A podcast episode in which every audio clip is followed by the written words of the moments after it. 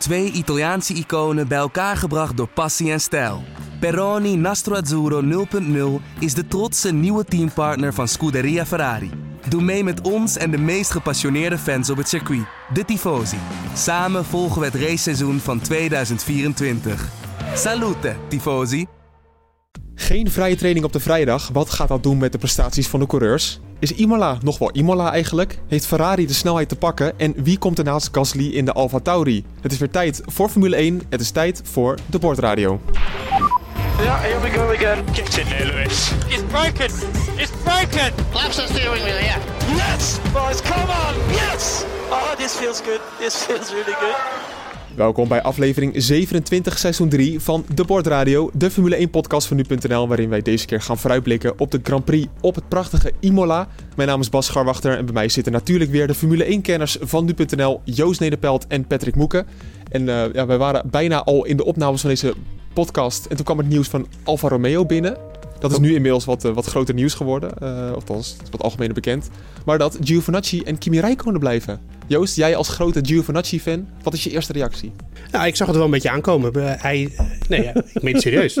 Ja, oh, dit, dit wordt heel vervelend. Je bent de enige We in de kunnen wereld er die dus het helemaal aankomen. niet over praten, want Patrick Nee, gaat ja, gewoon ik- alleen maar lachen. Ja, nee, ik weet, hij- ik weet dat hij het eh, aangekondigd heeft. vind ik toch wel, ja.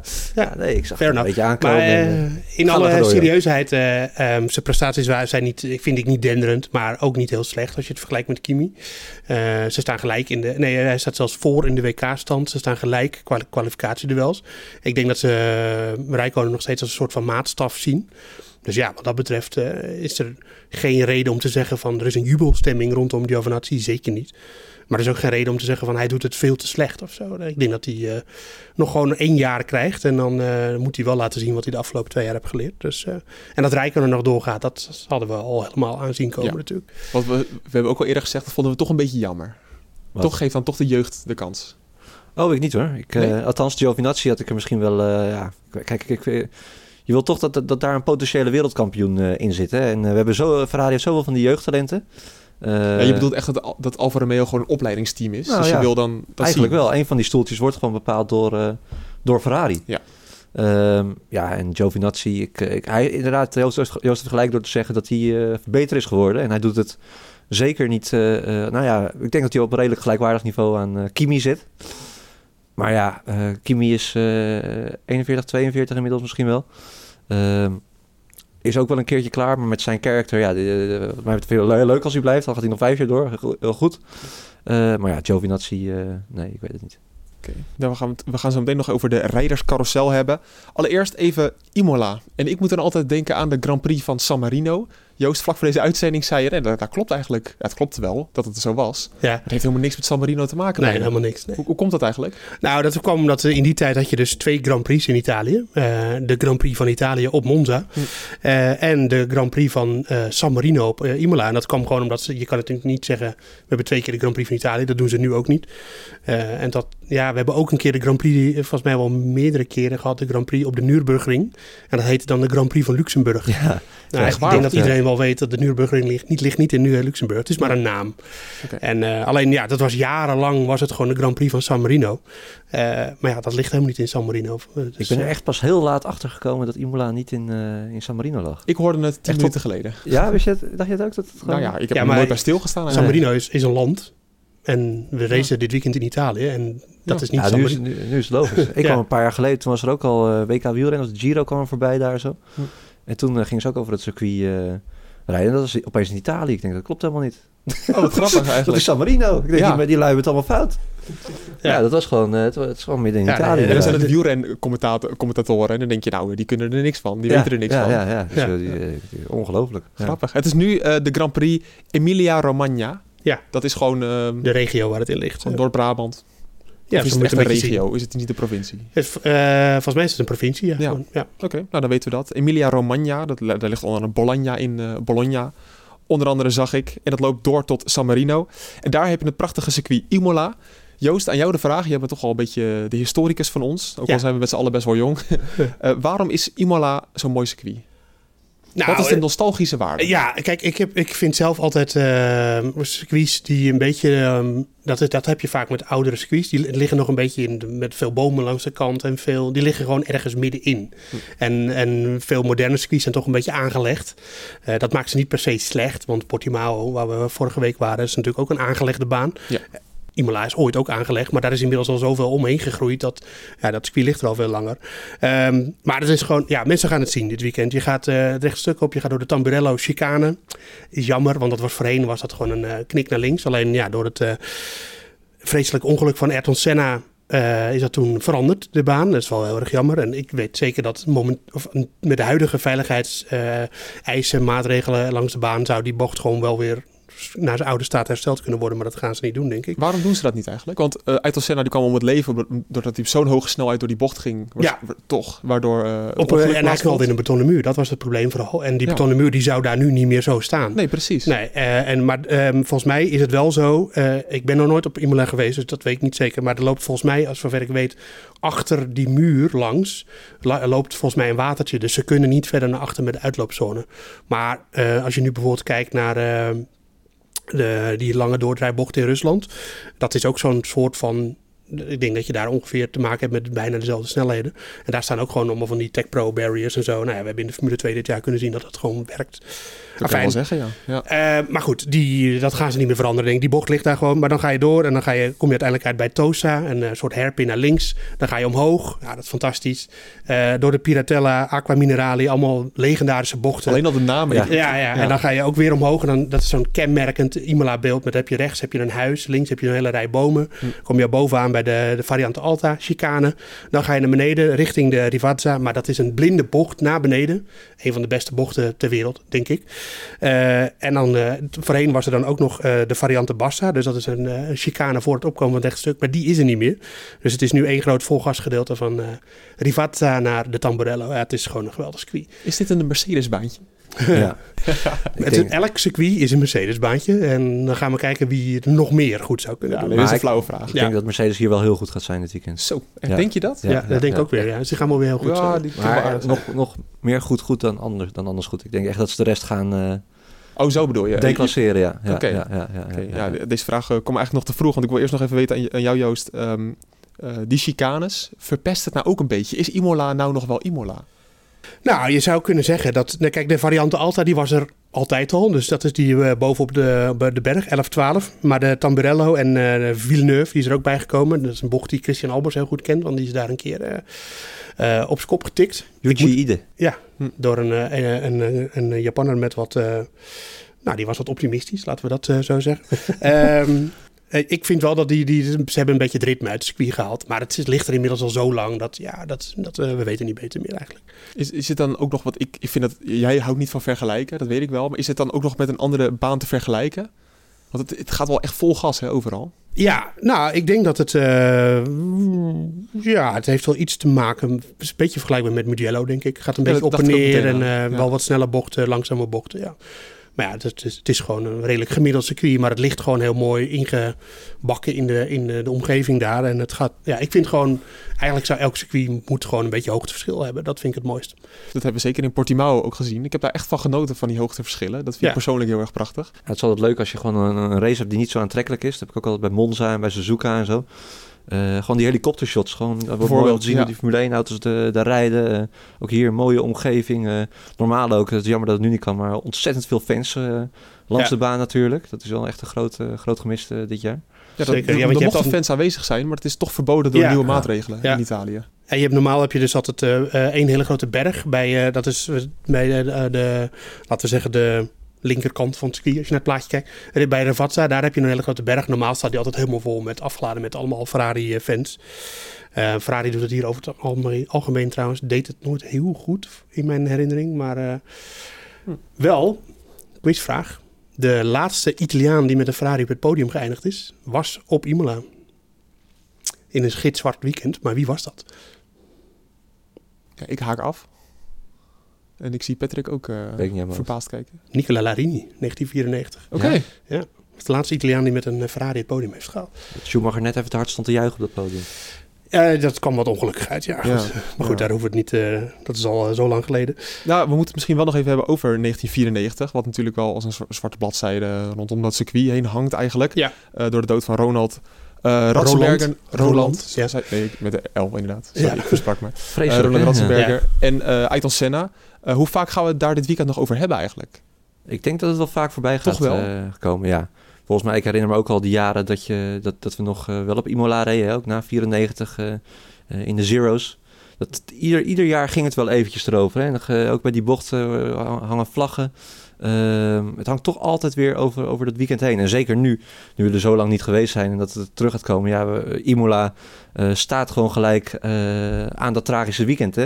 Maar niet alleen Senna natuurlijk, maar ook inderdaad ook Ratzenberger die daar eh, eh, ja, helaas kwam te overlijden. Ja, überhaupt een krankzinnig weekend. Toen ook met Rubens Barrichello. Ja. Alles kwam in drieën, zeggen ze dan. Ja. Je hebt ook op, eh, eh, die, eh, op, op YouTube, hè, als Formule 1 films kijken vaak. Ja. En dan komen, komen ook vaak die, die, die beelden weer voorbij. En, maar ook, ook wat ze toen allemaal lieten, lieten zien, ook met die, met, met die Ratzenbergers crash. Dat, die werd gewoon op, op het asfalt gereanimeerd. En, en gewoon, Ja. dat, dat werd allemaal gewoon live uitgezonden. Ja, er staat ook op, je- op YouTube, ja, ik moet het misschien niet promoten of zo, maar er staat gewoon integraal staat alles erop met, met commentaar van Olaf Mol. Ja, ja bij Ja. Senna is dat volgens mij. Met, sorry, bij Ja, Senna is dat ja. inderdaad. En dat, hij vertelt ook meteen, dat vond ik zo mooi, dat hij zag meteen de ernst ervan in. Ja, Terwijl eigenlijk, dit is een crash. Ja, goed, we hebben het er vaak over gehad, maar dit is een crash, dat zie je nu vaker, laat ik het zo zeggen. ja nee, dat, Dat maar dat, zo ongelukkig, dat, dat, eh, met twee dingen heeft dat te maken. Dat, eh, de auto's waren toen gewoon een stuk minder veilig. uiteraard. Eh, dat is één ding. En die betonnen muur, ja, die, is- wat ik net zei, die zou er nu nooit meer staan. Dat veert niet die, terug. hele, die hele zijkant was eraf gereden. Ja. Gewoon één vlak, vlakke streep, zeg maar. Maar dan nog is het wel zo dat ehm, eh, je volgens mij wel zou kunnen stellen dat Senna het had kunnen overleven.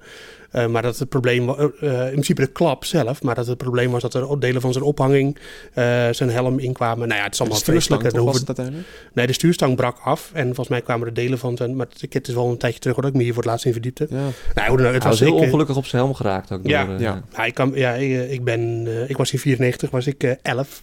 Had je het gezien live? Ja, ja, ik zat live te kijken en het was echt, eh, Bizar, ik bestond niet. nee. Nee, ik was te jong. Ja, nee, het was echt een vreselijk weekend. En eh, ik was toen net, eh, ik keek net, Maar hoe ik. ging dat dan? Want je had natuurlijk nog helemaal geen internet of zo. Of Nee. was die uitzending ook afgelopen en dan moest je maar kijken Nee, hoe je nee, nee. Het moest. was. eh, ehm, eh, eh, even kijken, hoe ging dat ook alweer? Ik weet het nog wel. Ik, eh, ik keek pas anderhalf jaar Formule 1 toen. Ik was eh, begonnen op mijn tiende een beetje met Formule 1 kijken. Senna was natuurlijk toen de koning. En Schumacher kwam in ene heel erg op in 1994. En die zat hem... eh, en Senna had een hele slechte seizoenstart. Die zat hem echt op de huid. Eh, Schumacher zat Senna op de huid. Maar Senna had Pole in, eh, op Imola. En die, eh, ja, die, eh, het leek erop dat hij daar gewoon eh, richting eerherstel zou gaan. Ehm, en toen crashte hij. En ja, ik zat, ik zat met mijn ouders, met mijn vader op de bank te kijken. En eh, dat was, eh, was, ik had zoiets natuurlijk nog nooit meegemaakt. Want ik, eh, wat zeg, ik keek pas een jaar Formule 1. En ik wist wel dat er vroeger wel mensen doodgingen. Dat had mijn vader me natuurlijk wel verteld. Maar eh, nu eh, was het gewoon niet meer, hoorde dat er niet meer echt bij. en Toen, ene niet was meer, hè, 94. Nee. En toen was er een op, eh, op, eh, met, met eh, Ratzenberger was natuurlijk al. Maar ja, ja dat, dat is misschien een beetje gek. Maar dat beleef je dan als kind natuurlijk anders. Maar die kende ik helemaal niet. Want ik kende alleen de jongens die vooraan Tuurlijk. reden natuurlijk. En eh, ja, het, dat, ik had het wel meegekregen neem ik aan. Maar en dat heeft Olaf Mol toen waarschijnlijk in de uitzending wel allemaal verteld op zondag. Maar met Senna, dat was, het lag ineens helemaal stil. Maar de race ging uiteindelijk toen gewoon verder. En ik weet nog dat ik dat heel gek vond als kind. Dat ik dacht van, hé, er is iemand heel erg... eh, er is al iemand dood. Er is iemand net heel erg eh, hard gecrashed. Want toen was Senna nog niet dood. En toen ging de, ra- de race gewoon verder. Ja, was ook Dat kon ik, niet, kon ik niet begrijpen als kind. Dat dat, Terwijl je live op tv zag je gewoon een, een plas aan bloed op Ja. de grond Ja. liggen. Hij Ja, werd, ja, hij werd ik kan niet per se gereanimeerd, geloof ik. Maar er werd wel heel veel rondom Ja. hem heen gedaan. ja, ik kan me ook nog herinneren, dat, dat het beeld kan ik me ook nog altijd heel erg voor de geest halen. Dat Senna net was gecrashed. Hm. Toen bewoog hij ook gewoon Ja, nog in de auto. Maakte hij zo'n met Ja, zijn hoofd. met zijn Dat- hoofd. ja, Ja. maar dat, dat was gewoon... Dus ik dacht, oh, hij, hij leeft nog. Ja. Gaat goed. Maar eh, nou, toen, eh, en toen met helikopter werd hij weggebracht naar Bologna. En het was echt... eh, En er was daarvoor ook nog een startcrash.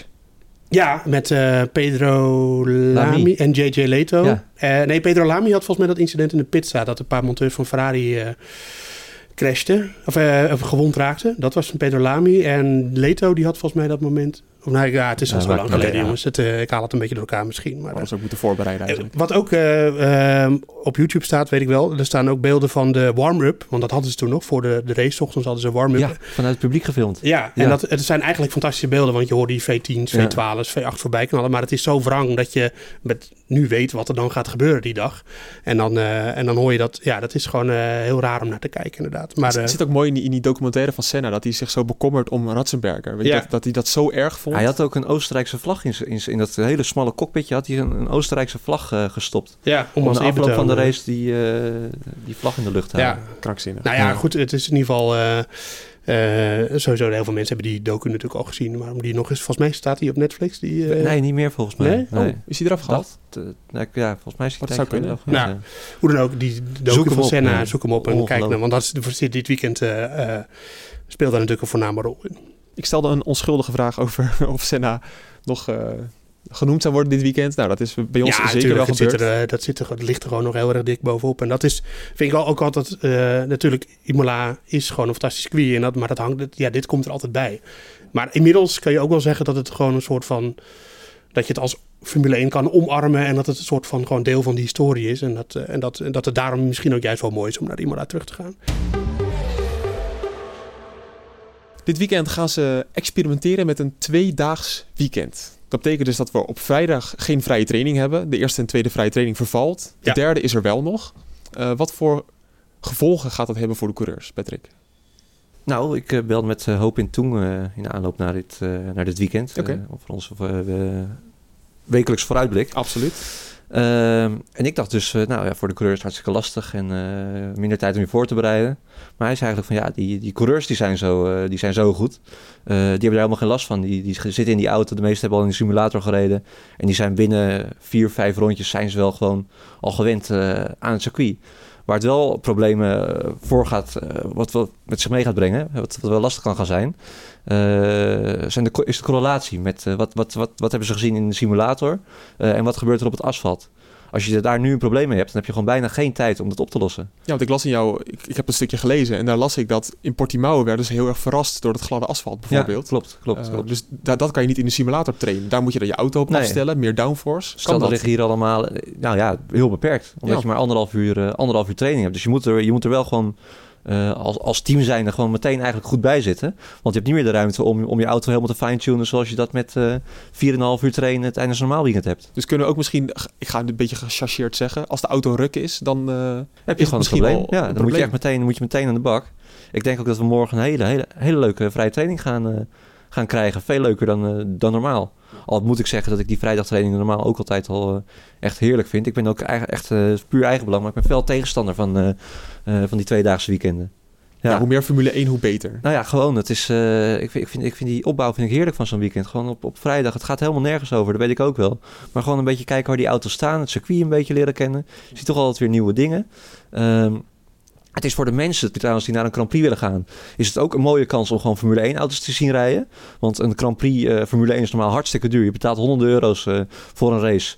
Maar als je alleen op vrijdag zou gaan, op, op Spa bijvoorbeeld, is een paar tientjes. Dus eh in Zandvoort was het al iets duurder, maar het, het valt nog steeds mee ten opzichte van een heel weekend. Nou ja, die kans wordt de mensen wel een beetje ontnomen hè, als we dit eh, voort gaan zetten. Wat natuurlijk zou kunnen, want het is gewoon een proef. Uiteindelijk willen ze naar die 25 eh Grand Prix gaan. En misschien met een dagje minder eh, dan. Eh, ja, dat, dat ga je natuurlijk krijgen. Plus dat het voor de organisatoren eh, toch wel lastiger is, want je mist toch gewoon een dag aan inkomsten. Ja. Ja. Nu is het wel zo, Joost. Normaal heb je met de vrije trainingen best wel overzichtelijke indeling. Op de maandag een beetje inrijden, een beetje de baan leren kennen. De- of eh, wat zeg ik? Op Maandag. de maandag. Ik bedoelde gewoon de eerste vrije training. Ja, Eh, voor mij staat de eerste gelijk aan, de, aan maandag. Zo, de eerste vrije training een beetje inrijden. Ja. De tweede vrije training is dan de long runs. En de derde vrije training kwalificatietraining. Ja, Zo zit het in grote lijnen in elkaar. ja ze doen ook tegenwoordig best wel vaak gewoon in de eerste training al longruns hoor. Zo is het ook. Ja. Maar dat is een beetje...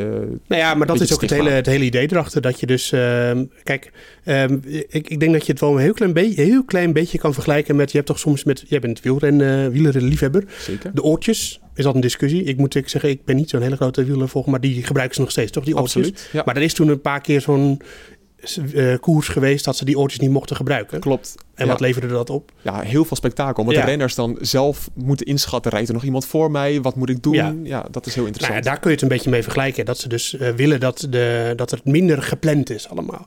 En als je die jongens inderdaad eh, op vrijdag eh, drie uur laat rijden...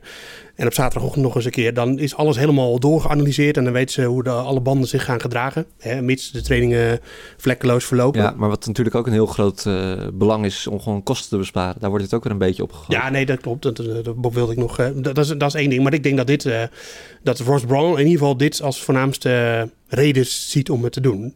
En, eh, maar het is ook zo dat ik ben best vaak al naar Grand Prix geweest, gewoon voor, eh, als verslaggever. En als je dan als verslaggever daar, daar bent, dan heb je op donderdag heb je de mediadag. Nou, dan op vrijdag heb je vrije trainingen. Dan op zaterdag heb je de eh vrije training kwalificatie. En de zondag heb je dan uiteindelijk de race. En die duurt anderhalf uur. Dat is het, ja. Twee uur max. Het voelt erg uitgesmeerd. Dat is gewoon zo. En als je dan naar Australië gaat, dan vind je dat wel logisch. Want je vliegt niet eh, naar de andere kant van de wereld voor eh, twee dagen het liefst. Maar als je bijvoorbeeld eh, naar Engeland gaat en je moet of met de boot over of even vliegen. En dan ben je vier dagen ben je daar voor één Grand Prix. Dat is voor heel veel mensen voelt dat best wel een beetje overdreven. En ik denk dat dat ook wel een. en en het, het kost ook best wel veel om al die. iedereen daar. er zijn ook heel veel mensen die worden gewoon betaald natuurlijk om daar te zijn. Waarom- auto's laten rijden, Formule 1 auto's laten rijden, kost gewoon heel veel geld. Ja, Dat is het ook vooral. hè. ja, dus Ja, eigenlijk ja, zou je dat meer willen rijden, maar dat kan niet, meer rijden. Eh, en dan wordt het ook wel heel erg veel eh, eh, rijden zo in zo'n weekend. Dus ja, wat dat betreft kan het prima dat je op vrijdag de mediadag doet en op zaterdag eh, voorbereiding op het circuit en zondag race. Maar ik snap wat je zegt, maar ik vind het, het is ook wel weer, als je meteen die hele vrijdag af zou schaffen, dan voelt het ook wel weer meteen wel heel beknopt. Gewoon een uurtje trainen, kwalificeren en race. Dat Ja, maar je moet een- ook realiseren dat ik denk dat een heel groot deel van de kijkers die kijkt ook alleen maar zaterdag en zondag. Maar dat is dan toch je eigen keus? Je, toch, je kan toch ook vanaf zaterdag lekker inschakelen? Ja, Ja, ja. Nee, nee, is ook ja, zo. Ja, Ja. precies. maar goed, Je hoeft eh, niet te kijken. Ze zijn gewoon aan het, aan het, eh, aan het experimenteren. Maar, maar ik vind het ook wel, eh, het, eh, het, het is ook wel een soort onderdeel van de Formule 1, gewoon zo'n zo- zo'n lang weekend. Hè? Het optimale uit je auto willen halen, waar kan ik nog wat winnen? Eh, daar hoort ook gewoon eh, drie uur, ja, het kan, het kan misschien, misschien kan, kan er al een uurtje af, maar er hoort wel gewoon eh, lang testen bij. Kijk, dat, dat, die anderhalf uur trainen die we straks gaan krijgen, dat is, dat is prima. Eh, maar de teams zullen nooit het optimale uit een auto gaan halen. Nee, en de vraag is ook, in hoeverre kan je nou nog op, op het randje gaan in de vrije training? Want als je crasht, ga je de kwalificatie misschien niet halen. Ook? Ja. Je hebt gewoon, ja, zeker. Je hebt gewoon, als je, eh, plus wat ik net zei, als jij eh, je auto niet op orde hebt, en dat zullen vaker de, eh, toch de kleinere teams dan de grotere teams zijn, want die hebben allemaal veel betere middelen tot, eh, tot hun beschikking, dan heb je gewoon een heel groot probleem. Dus het zou ook nog wel eens zo kunnen zijn, gewoon een beetje speculeren, maar dat, dat de grotere teams hier weer meer baat bij hebben dan de kleinere teams. Ja, ik denk dat het dat zou kunnen, maar je kan ook andersom redeneren. Is dat hoe meer tracktime de teams hebben, dat die de grote teams dan meer mogelijkheden hebben om de auto te verbeteren dan de kleine teams. Om dat door te rekenen in de Ja. fabriek. Want Ja. eh, ik ben ben vor- vorig jaar in de Red Bull fabriek geweest. En dan zie je alleen maar die collegezaal die ze daar hebben. eh, met eh, met eh, allemaal eh, knappe koppen, hè, om het zo maar te noemen. Die daar alles zitten door te rekenen en zo. Dat hebben zij wel. Ik denk niet dat Alfa Romeo of Sauber dat heeft. Zo'n hele grote unit met allemaal eh, eh, mensen die op de radio meelopen te praten. En meelopen te rekenen over van alles nog wat. Ik denk... Het, zou kunnen wat jij zegt, maar ik denk dat, het, dat je ook de andere kant op kan redeneren. En dat het juist helpt om het veld ook wat dichter bij elkaar te houden. En dat je dus ook meer kans hebt dat, dat bijvoorbeeld Mercedes, hè, dat, dat hopen ze natuurlijk, dat zeggen ze niet, maar ze hopen natuurlijk dat Mercedes vooral een fout maakt. Dat Mercedes in, eh, helemaal de plank mislaat met een afstelling en dat die, eh, dat die het moeilijk hebben. Ja. Het is, eh, het is een beetje een puzzel en daarom, je komt er alleen maar achter als je probeert. En dat doen ze dus. En we hebben het eigenlijk al gehad natuurlijk dit jaar op de Nürburgring. Ja. Alleen toen kwam het door de mist. Maar eh, ja, ik vond het eh, uiteindelijk in de race, merkte ik er niet heel veel van. Moet ik ook wel eerlijk zeggen. Conclusie, voorstander van het tweedaags weekend, ja of nee Patrick? Nee. Joost? Nee. Nee, ik, ik vind het wel logisch, maar ik heb liever zelf eh, wel die vrije trainingen. Eh, als je zegt Imola, dan zeg je Italië. Als je Italië zegt, dan zeg je... Ferrari. Oh, ik dacht, ik dacht pizza, maar inderdaad. Maar ik wilde... Spaghetti. Ja, spaghetti. Nee, inderdaad, je hebt helemaal gelijk. Ferrari. We hebben het daar afgelopen maandag in de podcast wat minder over gehad. eh, omdat er gewoon heel veel andere zaken te bespreken was. Ferrari doet het gewoon weer beter. Langzamerhand, beetje in de schaduw. Hè, de druk is een beetje bij het team weg vanuit de media. Natuurlijk, in het begin is er heel veel op gehaat. Nu hebben we het een beetje gelaten zoals het is misschien wel. Zullen de fans anders over denken en het team zelf. Wat is er aan de hand? En dan ga ik eerst even naar Joost toe. Wat is er aan de hand met Ferrari? Waarom gaat het beter? Eh, het gaat in ieder geval beter eh, dat ze eh, nu begrijpen wat ze aan het doen zijn. Dat is ze altijd wel zeggen. handig, Ja, ja. Dat ze, en dat, maar dat, is, dat, dat klinkt logisch, maar heel veel teams weten niet altijd precies waarom een auto heel snel is of niet. Hoor. Dat, is, dat denken wij natuurlijk al, dat ze tot in detail weten van als we dit vleugeltje zo en dan gaat hij precies, dat is niet zo. Ze, moet, ze, ze werken, en ik quote hier gewoon Gary Anderson, die die hebben een hele goede podcast die ik vaak luister, maar die zegt... Het is oud-engineer, hè? Is toch die darter? Ja, Gary ja, Anderson ja, dat zijn twee. Gary Andersons, eh, maar dit is een, eh, een Formule 1 engineer, is dat geweest? Van ook wel Arrows geweest, toch? Eh, volgens mij heeft hij bij Stewart gewerkt Jordan en bij ook? Jordan. Jordan. Ja. Jordan was het, Ja, ja. dus is een tip. eh, luister naar die podcast. Want eh, dat is, als je echt geïnteresseerd bent in techniek en waarom teams dingen doen die ze doen, dan is dat een goede bron. Ja. In ieder geval, hij zegt, de- hij zegt dat altijd, dat teams niet altijd precies weten waarom een auto sneller is of niet. Maar Ferrari weet nu wel welke stappen, dat die stappen die ze zetten nu, eh, die, dat, dat merken ze ook echt terug in snelheid. En dat is, eh, en dat is heel belangrijk. En, eh, en Wat- dat, wat- dat, ze, we hebben dus de hele tijd, hebben ze dus een beetje, we hebben het vaker genoemd, volgens mij noemde Patrick het net nog, het correlatieprobleem, dat wat je in de windtunnel test en zo, daar hebben ze last van gehad. En, en een zwakke motor er nog eens bij opgeteld. Want, Ja. want heel veel mensen denken dan meteen, ja, ze hebben vorig jaar vals gespeeld met die motor. Ja, mag ik daar gelijk even? Kom. Binotto eh, zei daar wat over tegen Sky Italia, heb ik voorbij zien komen. Hij zei, ehm, wij hebben vorig jaar geopereerd in een grijs gebied.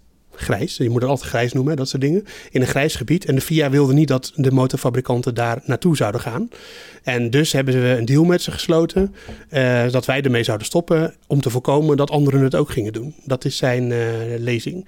Maar hij zei dus wel voor het eerst gewoon dat ja, dat ze een deal daarover hadden met de, met de. En dat dat ze in een grijs gebied zaten. Dus hij bekende het eigenlijk. Wij wel. noemen het toch ook een beetje vals spelen, inderdaad, omdat het zo vaag is afgesproken met de FIA, toch? Kijk, als het, al- ja. want het is altijd, dat hebben we, daar hebben we vaker over gehad. Ja. Je mag best buiten de lijntjes kleuren, zolang het niet verboden is.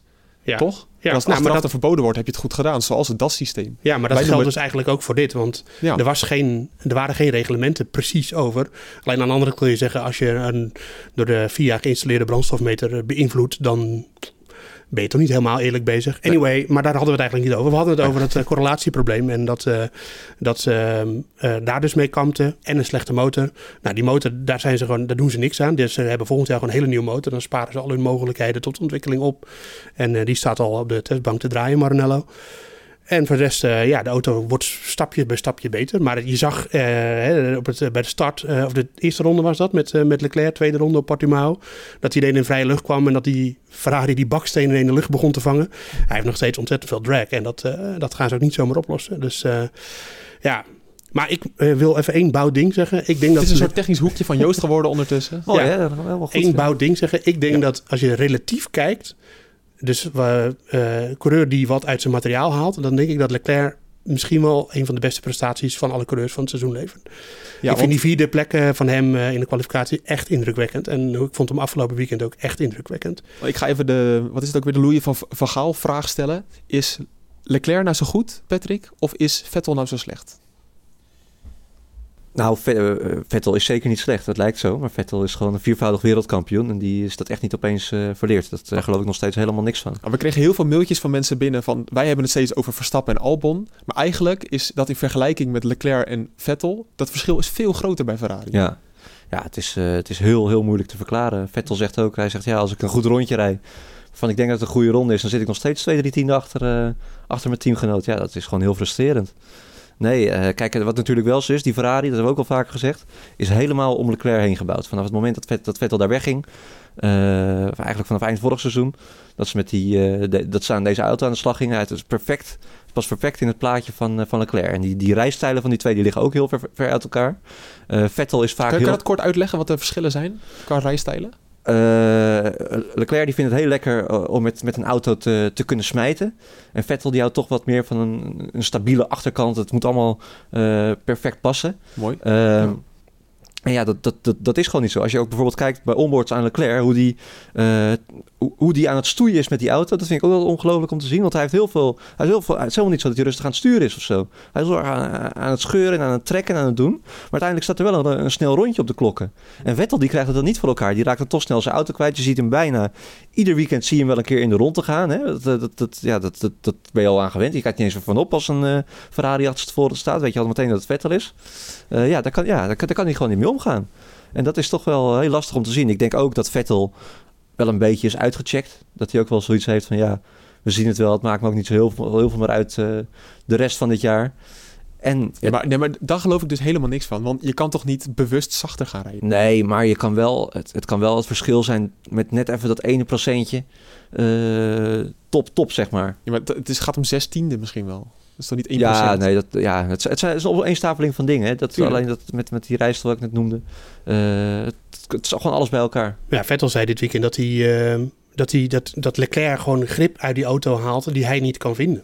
Eh, dat is denk ik het grote verschil. En het is denk ik ook weer een extra benadrukking dat je als team blijkbaar ook goed moet kijken. naar dat je niet twee coureurs in één team zet die een totaal verschillende eh, rijstijl hebben.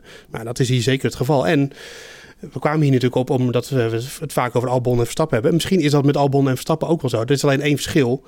Ehm, er is één overeenkomst. Al zou je kunnen, zou kunnen redeneren, is dat Leclerc, of, eh, Vettel en Albon waarschijnlijk na dit seizoen allebei niet meer bij de, die teams rijden. Eh, dus eh, al zou Vettel namelijk blijven bij Ferrari, dan zouden ze er alles aan gedaan hebben om hem beter te laten zijn. Maar dat doen ze nu niet meer. Dat merk je. En dat zegt hij zelf eigenlijk ook wel een beetje tussen neus en lippen door. En aan de andere kant is Vettel viervoudig wereldkampioen. Patrick zegt het net. Dus die, daarvan weten we dat hij het kan. Van Albon weten we dat überhaupt niet. Dus ja, die, eh, die heeft de schijn wat dat betreft ook een beetje tegen. Is het daarmee eerlijk? Nee. Is de Formule 1 een eerlijk wereldje? Nee. Je wordt gewoon gewogen eh, als je de sport binnenkomt. En Vettel is ooit de sport binnengekomen en die heeft zich ruimschoots bewezen. Albon niet. Ja, dat is gewoon het verschil. En zo hard is het wereldje af en toe. Ik wil een hele gevaarlijke vraag stellen. Eh, alle Vettel-liefhebbers, sorry daarvoor. Maar wat zegt dit over de hegemonie van Vettel? Uit zijn jaren dat hij vier keer wereldkampioen werd in de Red Bull. Hoeveel is dat waard als je kijkt naar zijn prestaties in de Ferrari? Nou, ik vind dat hij in zijn eh, beste jaren, ja, snap ik, in zijn beste jaren met Ferrari eh, de snelheid wel vaak had, maar niet de echt de kracht om het af te maken. Maar hij had toch gewoon één keer, twee keer wereldkampioen Ja. misschien wel moeten worden. 2018 had hij wereldkampioen moeten worden en dat heeft hij denk ik vooral zelf gegooid. Op Hockenheim toch, was dat? Ja, dat was al een beslissend moment, ja. Ja. Ja, maar dat, dat, eh, ik denk dat hij dat zelf ook wel weet. Alleen, ja, dus, maar Maar ben je, ben je zo'n goede coureur als je dan blijkbaar een auto hebt die perfect bij je past? Dat was dus de Red Bull in begin jaren van de, ja, begin jaren ja, 10, maar we moeten wel ook. Hij heeft ook gewoon eh, in eh, bij het Toro Rosso toen nog gewoon goed gepresteerd, echt goed. Dat was ook niet een auto die per se om hem heen ontworpen was. Eh, en hij had naast en hij had bij Red Bull had hij had ook steeds een teamgenoot en daar was hij sneller. En Webber was een alom gerespecteerde coureur. Ja, maar dat komt inderdaad om wat Patrick zegt, omdat die auto misschien wel heel erg aansloot bij waar hij. Ja, maar ja, dat is, dat, dat, ja, dat is, maar daarom dat is, moet je ook altijd benadrukken dat Formule 1 een teamsport is. En ze hebben en een hele goede auto en een goede coureur die dat af kan maken. En Nee, dat is bij me, hè? Vettel was zo ongelooflijk goed in die, was ook in, heel goed. in die, in die beginjaren. Ook, de auto ook- was ook heel erg Ja, goed. maar ja, dat- ook, maar ja, het, het, het plaatje klopte gewoon. Hij was, hij was meedogenloos. Hij pakte zoveel pole positions. Ja, je kan, eh, ik zat laatst ook die, eh, eh, die laatste race uit eh, 2013 in Bra- Bra- Brazilië terug, eh, Hm. eh, terug te kijken. Zijn laatste titel. Dat was en- toen die spinde, toch? Was dat die race? Eh, nee, want hij was al, volgens mij was hij al Dat was wereldkampioen. 2012. Oh, eh, dat is 2012. Volgens mij was hij al wereldkampioen dat, eh, dat jaar. Maar ik Ja. vind dat toen brak je ook weer eh, een of andere. Ik vind het leuk om die eh, re- records terug te kijken. Wat de commentatoren dan, eh, Ja. dan zeggen ook. En eh Crofty die zei toen ook op het podium. Hij zegt ja, we gunnen Vettel allemaal het beste. Maar het zou toch heel leuk zijn als we ook een keertje eh, iemand anders dan hij eh, op de top van het podium eh, zien staan. Om vervolgens naar het Mercedes-tijdperk te gaan, waar, eh, waarin hij bijna helemaal niet meer eh, Ja, meer volgens mij zei Hamilton toen zelfs van... eh, ah, slecht ik- voor de sport. slecht voor de sport dat één Ja. coureur steeds maar wint. ja, ja, nou ja, Ja. maar- nee, maar Dat is leuk. Dat is leuk om terug te kijken. Ja, die, die, die- ik heb dat wel eens getwitterd. eh, gewoon een BBC-bericht is dat, dat, dat Hamilton dat zegt. Nee, Maar maar, verder. ja, nee, Vettel behoort. ja, je kan, je kan, je- hij is gewoon een viervoudig kampioen. En, en ook in, in alle statuten die erbij horen. Het is, het is gewoon nog steeds eh, een grootheid, eh, wat mij betreft. En ik hoop ook echt, ook, ook voor hemzelf, eh, omdat ik ook wil dat hij vier titels meer waard worden, dat hij het bij Aston Martin gewoon eh, heel Ja. goed gaat doen. Want daar wat gaat kan, hij, hè, natuurlijk. maar daar gaat hij naast Lance Stroll rijden. Dan heb je geen enkel excuus om ook maar één kwalificatie te verliezen. Nee, maar, Nee. dat- maar die durf ik wel aan. Die, die, die vreet hij helemaal met huid en haar op. Ja. Even kijken, dit is... eh, eh, Ik- schrijf, schrijf die maar op. ik als schrijf hem op, even kijken. Op 30 oktober. En als, Ja. en als, het niet, eh, als dat niet gebeurt, dan heeft eh, Lawrence Stroll het met die auto gedaan om zijn zoontje er goed uit te laten zien. Complot. Dus eh, ja, nee, dat... eh, Maar dat we moeten nog een soort weddenschap eromheen hangen. Wat Ja, als dat niet doen. Eh, Dus, ja, we moeten iets concreet afspreken. Vettel wint de eerste vijf kwalificaties van Stroll bijvoorbeeld. nee. Oh ja, nee. ja, maar het moet, het Ja, ja, moet ja, wel dan- op, maar zonder technische problemen dan, hè? Ja, ja, ja, zo- Ja, ja, als hij crasht is prima. Dan, Ja. eh, dan doen wij iets in die mok van hem. Mogen wij bepalen wat erin komt en jij drinkt het op. Is goed. Oké. Oké, 30 oktober En wat als het wel gebeurt dan? Ik wil ook een soort tegenprestatie Oh ja. hebben natuurlijk. Ja, Nou, dan- daar kom ik nog op terug. Denk ik wel even over na. Ja, is goed. oké. Dus inderdaad, als hij crasht, dan goed, dat hoort ook bij de sport. Maar als het gewoon op pure snelheid gaat zonder Ja, ja. problemen, wint hij de eerste vijf kwalificaties van Stroll. Ja. 1000 procent.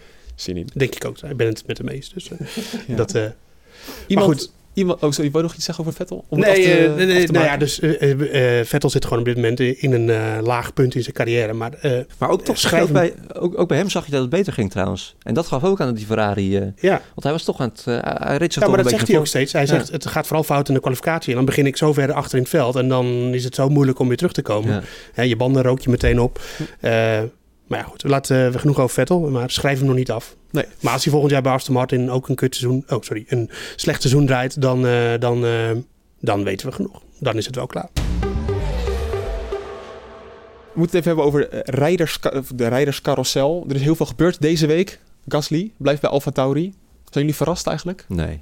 Nou ja... eh, ik een heel klein beetje nog wel, dat het nu al bekend is gemaakt. Ja, nou, het is best wel laat toch? En eh, nou ja, het, het, eh, je hoorde al die geluiden dat hij niet naar, eh, eh, naar Red Bull zou promoveren. Ja, dat bedoel ik eigenlijk. Ik had misschien nog wel verwacht dat ze dat nog een beetje wilden, in het nee. midden wilden Ik laten. denk dat ze vooral wilden eh, dat deze discussie daarover zou stommen. En gewoon zeggen van, eh, we bevestigen Gasly alvast, dan zijn we daarvan af. Zo is het ook. Ja. Ja, dat is interessant. Eh, wie komt er naast de Gasly?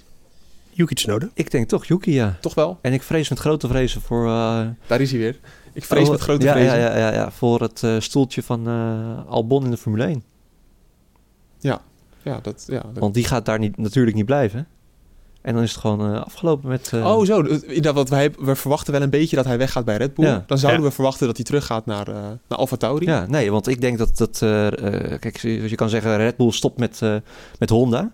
Maar ze willen toch ook door met dat eh, Honda-project uit, uit eigen beheer. Nou, daar hebben ze Honda's hulp bij nodig. Dus ze hebben er nog steeds belang bij om eh, Tsunoda, die toch een, een Honda-protégé is, om die in die, in die, in die eh, Alfa Tauri te zetten. En dat is voor de duidelijkheid geen pay-driver. Hij heeft echt Zeker talent. niet. Nee, die nee, heeft het nee, echt wel goed gedaan. Wel, wel, wel het eerste seizoen dat hij dat zo laat, eh, laat zien. Ehm, maar je ziet wel dat die jongen heel veel talent heeft. En dat doen ze dan wel bij Red Bull. Hè. Gooi maar meteen voor de leeuwen. Dan weten we ook meteen of hij zich staande houdt eh, of niet. Wat moet Fiat dan doen met zijn leven? Fiat die gaat lekker naar de Formule E toe. Of die, eh, ja, zoveel. Dat is wel mooi dat hij terugkwam, joh. Zo'n tweede Formule 1 leven ingeblazen. En niet gegrepen die kans. Dus Fiat is het echt een keertje klaar. Albon, vergeet waas, maar Albon was eigenlijk ook al afgeschreven. Hè? Die zou eh, ook al, die had al een Formule E contract getekend voordat hij eh, teruggeroepen Ja, werd Nissan, door, eh, ja. door Red Bull. Dus die heeft eigenlijk ook een tweede kans gekregen. Ook mega rollercoaster omhoog. eh, En weer net zo hard aan het vallen op dit moment. Maar laten we eens even de, langs gaan. Eh, we hebben dus Alfa, Kimi en eh Kimi Räikkönen, Antonio Giovinazzi. Alfa Tauri denken wij Gasly en Yuki Tsunoda zetten wij in. Ja. Ja, ik, denk dan, ik denk dan toch, als ze Albon laten vallen bij Red Bull... dan ga ga je toch niet Tsunoda in die auto zetten? Ja, Albon heeft het zo goed gedaan in die Alfa Tauri. Moet Ja. ook gewoon gezegd worden? ja, ik bedoel, eh, daar is wat voor te zeggen. Nou ja, maar, nee, maar is dat zo? Ik vond, ik vond het ook wel meevallen. Albon heeft het zo goed gedaan in die Alfa Tauri. ik Nou, was best verrast in toen. vergelijking met Fiat. Nee, Ja, dat viel ook wel mee. Want Ja. ze hadden evenveel punten. En eh, eh, ik, ik was toen best wel verrast dat ze, al- dat ze Albon toen meteen in de... Hij had één leuke race op Hockenheim, heeft hij toen goed gedaan. Hm. Maar eh, verder maar waren ik- het degelijke resultaten. Maar niet zo dat hij er met kop en schouders bovenuit Nee. stak of zo. Ja. Ik denk ook niet dat hij... Dat, ik denk dat ze Tsunoda in die auto gaan zetten en dat het eh, gewoon klaar is voor Albon. Denk het ook. Of hij moet winnen dit weekend. Maar En zelfs dan wordt het lastig. nou, dan, eh, dan denk ik dat, dat zo werkt de Formule, zo opportunistisch is de Formule 1 wereld ook alweer. Dan, dan staat Ja, hij ineens dat hij er wel boven de berg. dat, dat Gasly terug zou gaan. Hm? Dan had je ook wel verwacht dat Gasly terug zou Ja, gaan. maar daar, daar hebben we de vorige keer over gehad. Ja. Gasly die heeft eh, wat fouts gedaan bij... eh, even kijken, eh, dan hebben we Alpine volgend jaar natuurlijk. Hè, het tegenwoordige Renault, Ocon en Alonso. Alonso terugkeert. Het begint, dat, het begint steeds meer dat ik denk van... Hmm, of jullie dat hebben. Nou, ik ben wel heel benieuwd hoe hij gaat presteren. Of hij het nog kan. Ik denk het wel. Ja, ja, goed, hij is nog steeds wel snel, maar ik weet niet. Het is misschien een beetje in de categorie van Rijkonen. Wel genieten dat hij erin... Nou, ja, Alonso, is nog wel één anders tandje beter. Nee, niet Ja. qua niveau, maar meer van leuk dat zo'n routinier in de, in de sport zit. Ja. Dat bedoel ik. Nou, je wil eigenlijk zoveel mogelijk je wereldkampioen in de sport hebben natuurlijk. Precies. Ja, Eh, dan gaan we door naar eh, Aston Martin. Daar hebben we natuurlijk eh, Sebastian Vettel en hij staat nog niet eh, officieel eh, announced, maar eh, we hebben daar natuurlijk ook eh Lance Stroll. Hè? Eh, Ferrari, eh, Leclerc, Sainz, dat is allemaal rond. En dan Haas, Ja, eh, ik denk dat het toch echt een Mazepin Schumacher gaat worden. Ja, dat gaat het worden. Eh, en dat vind ik aan de andere kant ook wel weer leuk. Alleen ik hoop wel dat ze die auto dan wat beter voor elkaar eh, hebben. Want ik weet niet of jullie dit weekend dat probleem wat naar buiten kwam meegekregen hebben over die achtervering. Dat die oververhit raakt en dat die auto dan dus Ja. aan de achterkant inzakt. Ja, Olaf Mol zei het ook in de uitzending. En Ja. dat, was ook, dat kwam eerder dat weekend kwam dat te sprake. Maar dat vind ik wel echt opmerkelijk. Eh, Het is gewoon een team met sowieso heel veel gebreken. ja, Dat heeft ze altijd achtervolgd. Ja, maar dat komt denk ik wel ook een beetje door de manier hoe dat team werkt. Dat zijn heel veel onderdelen, allemaal legaal hoor, maar van Ferrari kopen, dat de auto wordt gemaakt door de Lara. Ja, het is, eh, het is geen Formule 1 team zoals Red Bull dat is, of zoals eh, Williams. Zelfs dat is dat ze gewoon in eigen beheer. En ik, ja, ik weet niet. Ik, het, er zijn allemaal van die problemen die zich daarvoor doen, die, die je bij andere teams minder snel ziet. Volgens mij hadden we vorig jaar op een gegeven moment een probleem dat in bepaalde bochten de achtervleugel stalde. Dus dat hij zijn werking verloor. Iets een beetje ongelukkig. Ehm, dus ja, ze moeten dat wel op orde krijgen. Dus dat is voor eh Mick Schumacher wel eh, ook wel een beetje een risico natuurlijk. Kijk, die Alfa, dat is gewoon een auto, dat, dat is een beetje een... Hij is of snel of niet, maar het is geen hele... Nou ja, laten we zeggen, geen auto waarbij allerlei rare problemen zich steeds voordoen. En dat is met die Haas misschien wel zo. En dat kan toch een beetje carrière beïnvloedend zijn af en toe. Wel stijgende lijn te pakken nu. Wie Haas? Ja. ja, de snelheid komt een beetje terug. En zij, zij zijn een beetje het enige team. Zij durven heel erg met pitstops te verrassen. En heel vaak gaat het ook fout. Ik zag met Magnussen die afgelopen weekend op de hard dan ging rijden. Nou, dat ging helemaal nergens over natuurlijk. Maar je moet wel van- iets proberen. Ja, natuurlijk. Ja, ja. Ja. nou, hartstikke goed. En volgens Ja. mij reed hij gewoon P8 even. Is, is heel kort, leuk, maar... dat is wel omdat ze in de positie zitten dat ze toch niet zoveel te verliezen hebben. Dus ja, Nee, maar dat vind ik juist goed. Ze- Ja. Wat was nou die race dat Magnussen in de punten eindigde? Hongarije. Was dat nee, Hongarije? nee, Hongarije was hij ook. Toen hadden ze ook eh, hadden Ja, ze hem- toen tijdens de opwarmronde hadden ze hem al binnengehaald. Die Ja. race. Ja, En en toen, uiteindelijk, eh, ja, toen zakte hij uiteindelijk wel ver toen weg reed nog. hij heel lang op de derde of vierde plaats. Zoiets. Ja, Dat is toch top? ja, leuk. is het ook. Is ook. rij je op P15 en Ja. dan rij je daar maar een beetje rond. Nee, klopt. Helemaal mee eens. Leuk. Ehm, Nou, dan hebben we eh, McLaren, Ricciardo Norris, dat is allemaal beklonken. Mercedes, hmm, Bottas en eh to be announced. Zouden ze het... eh, Ik denk dat ze het bekend gaan maken als hij kampioen is, toch? Dat ze daarop wachten misschien. Ja. Maar iedere week dat het langer duurt. Heeft het, het salarisplafond is nu het op 30 miljoen, of 30 miljoen dollar gezet, geloof ik. Hmm, Heeft dat er nog iets mee te maken? Kan ik me niet zou voorstellen. ik wel heel ernstig vinden als Hamilton eh het daardoor eh, af laat ketsen. Ja, ik, wat bedoel- verdient hij eigenlijk, weten we dat? Ik heb Nou, het niet opgezocht, maar... ik denk dat hij alles bij elkaar met al zijn sponsors en Tommy Hilfiger en eh, noem het maar op. Dat hij wel boven die 30 miljoen komt, maar ja, ik vind, ja, ik bedoel, het is misschien... Daar eh, gaat het niet van afhangen, toch? Denk ik ook. Nee. Als ik heel. Google zie ik 40 miljoen staan. Ja. Ik denk niet Maar dat, dat Hamilton op een houtje hoeft te bijten. Dus ik zou het wel heel erg raar vinden als hij zijn carrière einde laat beïnvloeden door geld. Nee, dat doet hij niet. Als hij dat al laat doen, dan komt dat meer omdat hij eh, andere dingen gaat zoeken buiten de sport. Dat hij dat Ja. belangrijker gaat vinden. Maar Nou, als ik 10 miljoen minder voor deze podcast zou krijgen, zou ik ook eh, erover nadenken om iets anders te gaan doen. Ja. maar dan kom je in de min uit. Dus, dan moet je bijbetalen. ja, dat wordt wel een beetje lastig. Ja. Maar goed, Hamilton, ik denk nog steeds dat hij gewoon doorgaat. Maar we hebben het de vorige keer besproken. Sluit het ook niet 100.000 procent uit dat hij, eh, dat hij misschien op een gegeven moment zijn helm aan de wiel gaat hangen. Eh, Red Bull, Verstappen en To Be Announced hebben we nog. Er zijn nog best wel veel plekjes over, hè? oktober zit, of eh, ja, november bijna. Nou ja, ik eh, vul daar met potlood Nico Hulkenberg in. Ik ook. Hoewel Perez begint ook weer een klein beetje kopjes te geven in die richting. En dan hebben we natuurlijk nog Williams. En En een daar live correctie trouwens van, eh, van Gust, een trouwe kijker. Je kan deze podcast live kijken op YouTube. Het is wel 30 miljoen voor twee coureurs. Trouwens. Oh ja, oké. Dus dat Oh. is 15 miljoen, eh, althans dus 20 miljoen voor Oh. Hamilton en 10 voor Bottas. Ja, dus ik heb eh, dit stuk ook niet heel goed gelezen. Moet ik Nee, ik zeggen. zat eigenlijk, ik gooide het zomaar op, ik zag het. Eh Guust, dankjewel daarvoor. Ehm, dan gaan we ondertussen verder. En Williams, ja, Latifi en Russell. Maar bij Williams is gewoon nog een hele hoop aan de hand natuurlijk. En eh, we hebben hier te nog wat maken met gebeuren. Ja, precies. Te maken met allemaal contracten die al getekend zijn voor die overname. Hè, door dat eh, Doralton, eh, dat bedrijf uit New York. Het was Die, eh, natuurlijk heel raar dat, die nieuwe, eh, dat ze op die persconferentie niet wilden bevestigen dat Russell volgend jaar ook in die auto zit. Dan ben je van het gezeik af. dat dus hadden, eh, ze hadden het vuurtje kunnen doven, maar dat deden ze niet. Nee, precies. Nee. ehm, maar ik zat daar nog te denken. Hè. Stel, Perez die komt daarheen. Die neemt ook een eh, goede bak met geld eh, mee. Eh, in hoeverre is het zo zeker dat Russell daar weggaat? Want Latifi, Nou ja, goed. Je, bedoel, je hebt te maken nu in ene met een, met een investeringsmaatschappij.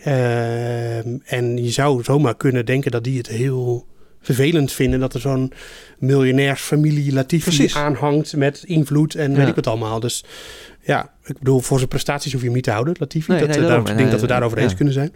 Ja, Williams Dus- is nog een grote onzekerheid. Daar, gaan we, Ja. daar gaat nog veel over komen dit weekend. Eh, niet dit weekend, nou, misschien dit weekend al, maar dit, eh, Dit seizoen. dat kan zomaar tot, eh weet ik veel, februari duren of zo. Dus dat was de rijderscarousel. en Een hoop plekjes vrij. Ik wil nog even zeggen dat het per 2023 is. Ja, oh, 23. Eh, dus dat duurt nog wel even. En een coureur mag maar in zijn eentje maximaal 22 miljoen verdienen. Hmm. Ah, wat een het hongerloontje. Hongerloontje. Ja, Ja, het is, maar, maar het is per dus- 2023. Er Dus, zitten wel een paar jongens die daar volgens mij wel boven zitten. Ja, ja, volgens de geruchten Hamilton 40 miljoen. En Ja, zou, nee, Hamilton zit er om sowieso- zijn Ja, dan is contract te dan gaan tekenen. sowieso weg, denk ik. Dat Hamilton daar sowieso bo- boven zit. Ik denk dat eh zeker eh, Limburger eh, bij Red Bull daar ook boven zit. Rijdt, Hamilton rijdt in 2023 nog Formule 1? Nou, Denk het niet, toch? toch niet hoor. Nee. Dan, grootste discussiepunt van de week. Patrick Paulusma. Ja, Maakt het wat los, hè? Maandag hebben we aangekondigd, we kappen ermee met deze rubriek. Het slaat namelijk helemaal nergens op, omdat Patrick het, het weer voorspelt. Jij belt ook met Weerplaza. Ik nee, heb hij daar, voorspelt steeds regen. Dat is het eh, probleem. Dat Ja, doe ik dat- niet. Dat, doen, eh, dat doet weer of, het is een verwachting, hè? je mag nooit voorspellen. Het is een verwachting, geloof Ah, ik. ja. Dat moet, moet je officieel zeggen, geloof ik. Hmm. Ehm, maar nu hebben we een poll op Twitter eh, geplaatst. Was niet heel erg eenduidig. Nee, het was niet heel erg eenduidig, dat moet zeker gezegd worden. Maar we hebben mailtjes binnen gehad van mensen. Eén legendarische mail. Patrick, daar moet je misschien zelf even over vertellen. Ja, van eh, Erik hè, was het volgens mij. Ja. Ja, die had, die had me... Die had een mooi plaatje gevonden dat ik bij RTV Noord eh, verslag aan het doen was. was het volgens mij op SBS was ik eh, aan het, het weer aan het presenteren. Ja, dus hij staat op onze Twitter, dus zoek hem vooral even op. Briljant, ja, hartstikke leuk. We kregen eh, ja, de, de polluitslag 59% ja, we moeten doorgaan. Ja. Maar we hebben vooral de mailtjes gezien, inderdaad, van Erik. Die, die had dus een Photoshop plaatje van jou met het hoofd van Piet Paulusma. Of andersom eigenlijk. En Piet Paulusma met jouw hoofd erop. Hard om gelachen, ja. We gaan ermee door. Ja, hè? We gaan Ja, ermee ja. door. Maar het weer hoort er toch ook bij? Komt hij aan. Yes, it's go! No, Max Verstappen! Five cars off at the corner. This is the worst start for a Grand Prix that I have ever seen in the whole Geen regen, zon. That's it. Dat is het gewoon. Alleen zaterdagochtend kan nog wat mistig zijn, maar dat mag, mag ook niet, eh, geen grote naam hebben. Ja, kijk, dat, is het eigenlijk. En dan- 17, 18 graden, geen wind. Het, eh, mooi weekend. Ja, wat natuurlijk wel een beetje bij deze rubriek hoort, dat vergeten mensen wel eens. Het gaat niet alleen om het gaat regenen, maar dan kan ik ook de vraag aan Joost stellen. Het wordt dus koud. Althans, het- 17 graden is voor Formule 1 begrippen best wel koud. Ja, laten klopt, we ja. eerlijk zijn. Ja. Wat gaat dat nog doen met de banden bijvoorbeeld? Met, is er een team dan in het voordeel? Ehm, nou, we hebben gezien eh, op de Nürburgring dat Ferrari daar veel last van had. Maar daar was het veel kouder. Nog 10 graden kouder. Ja, ehm, dus eh, ja, ik denk dat ja, het is. eh, Pirelli heeft de middelste banden mee, dus de C234. Ehm, ik, ik durf niet te zeggen of het teams daarvan last van krijgen. Ze, ze zullen geen last krijgen van graining, denk ik.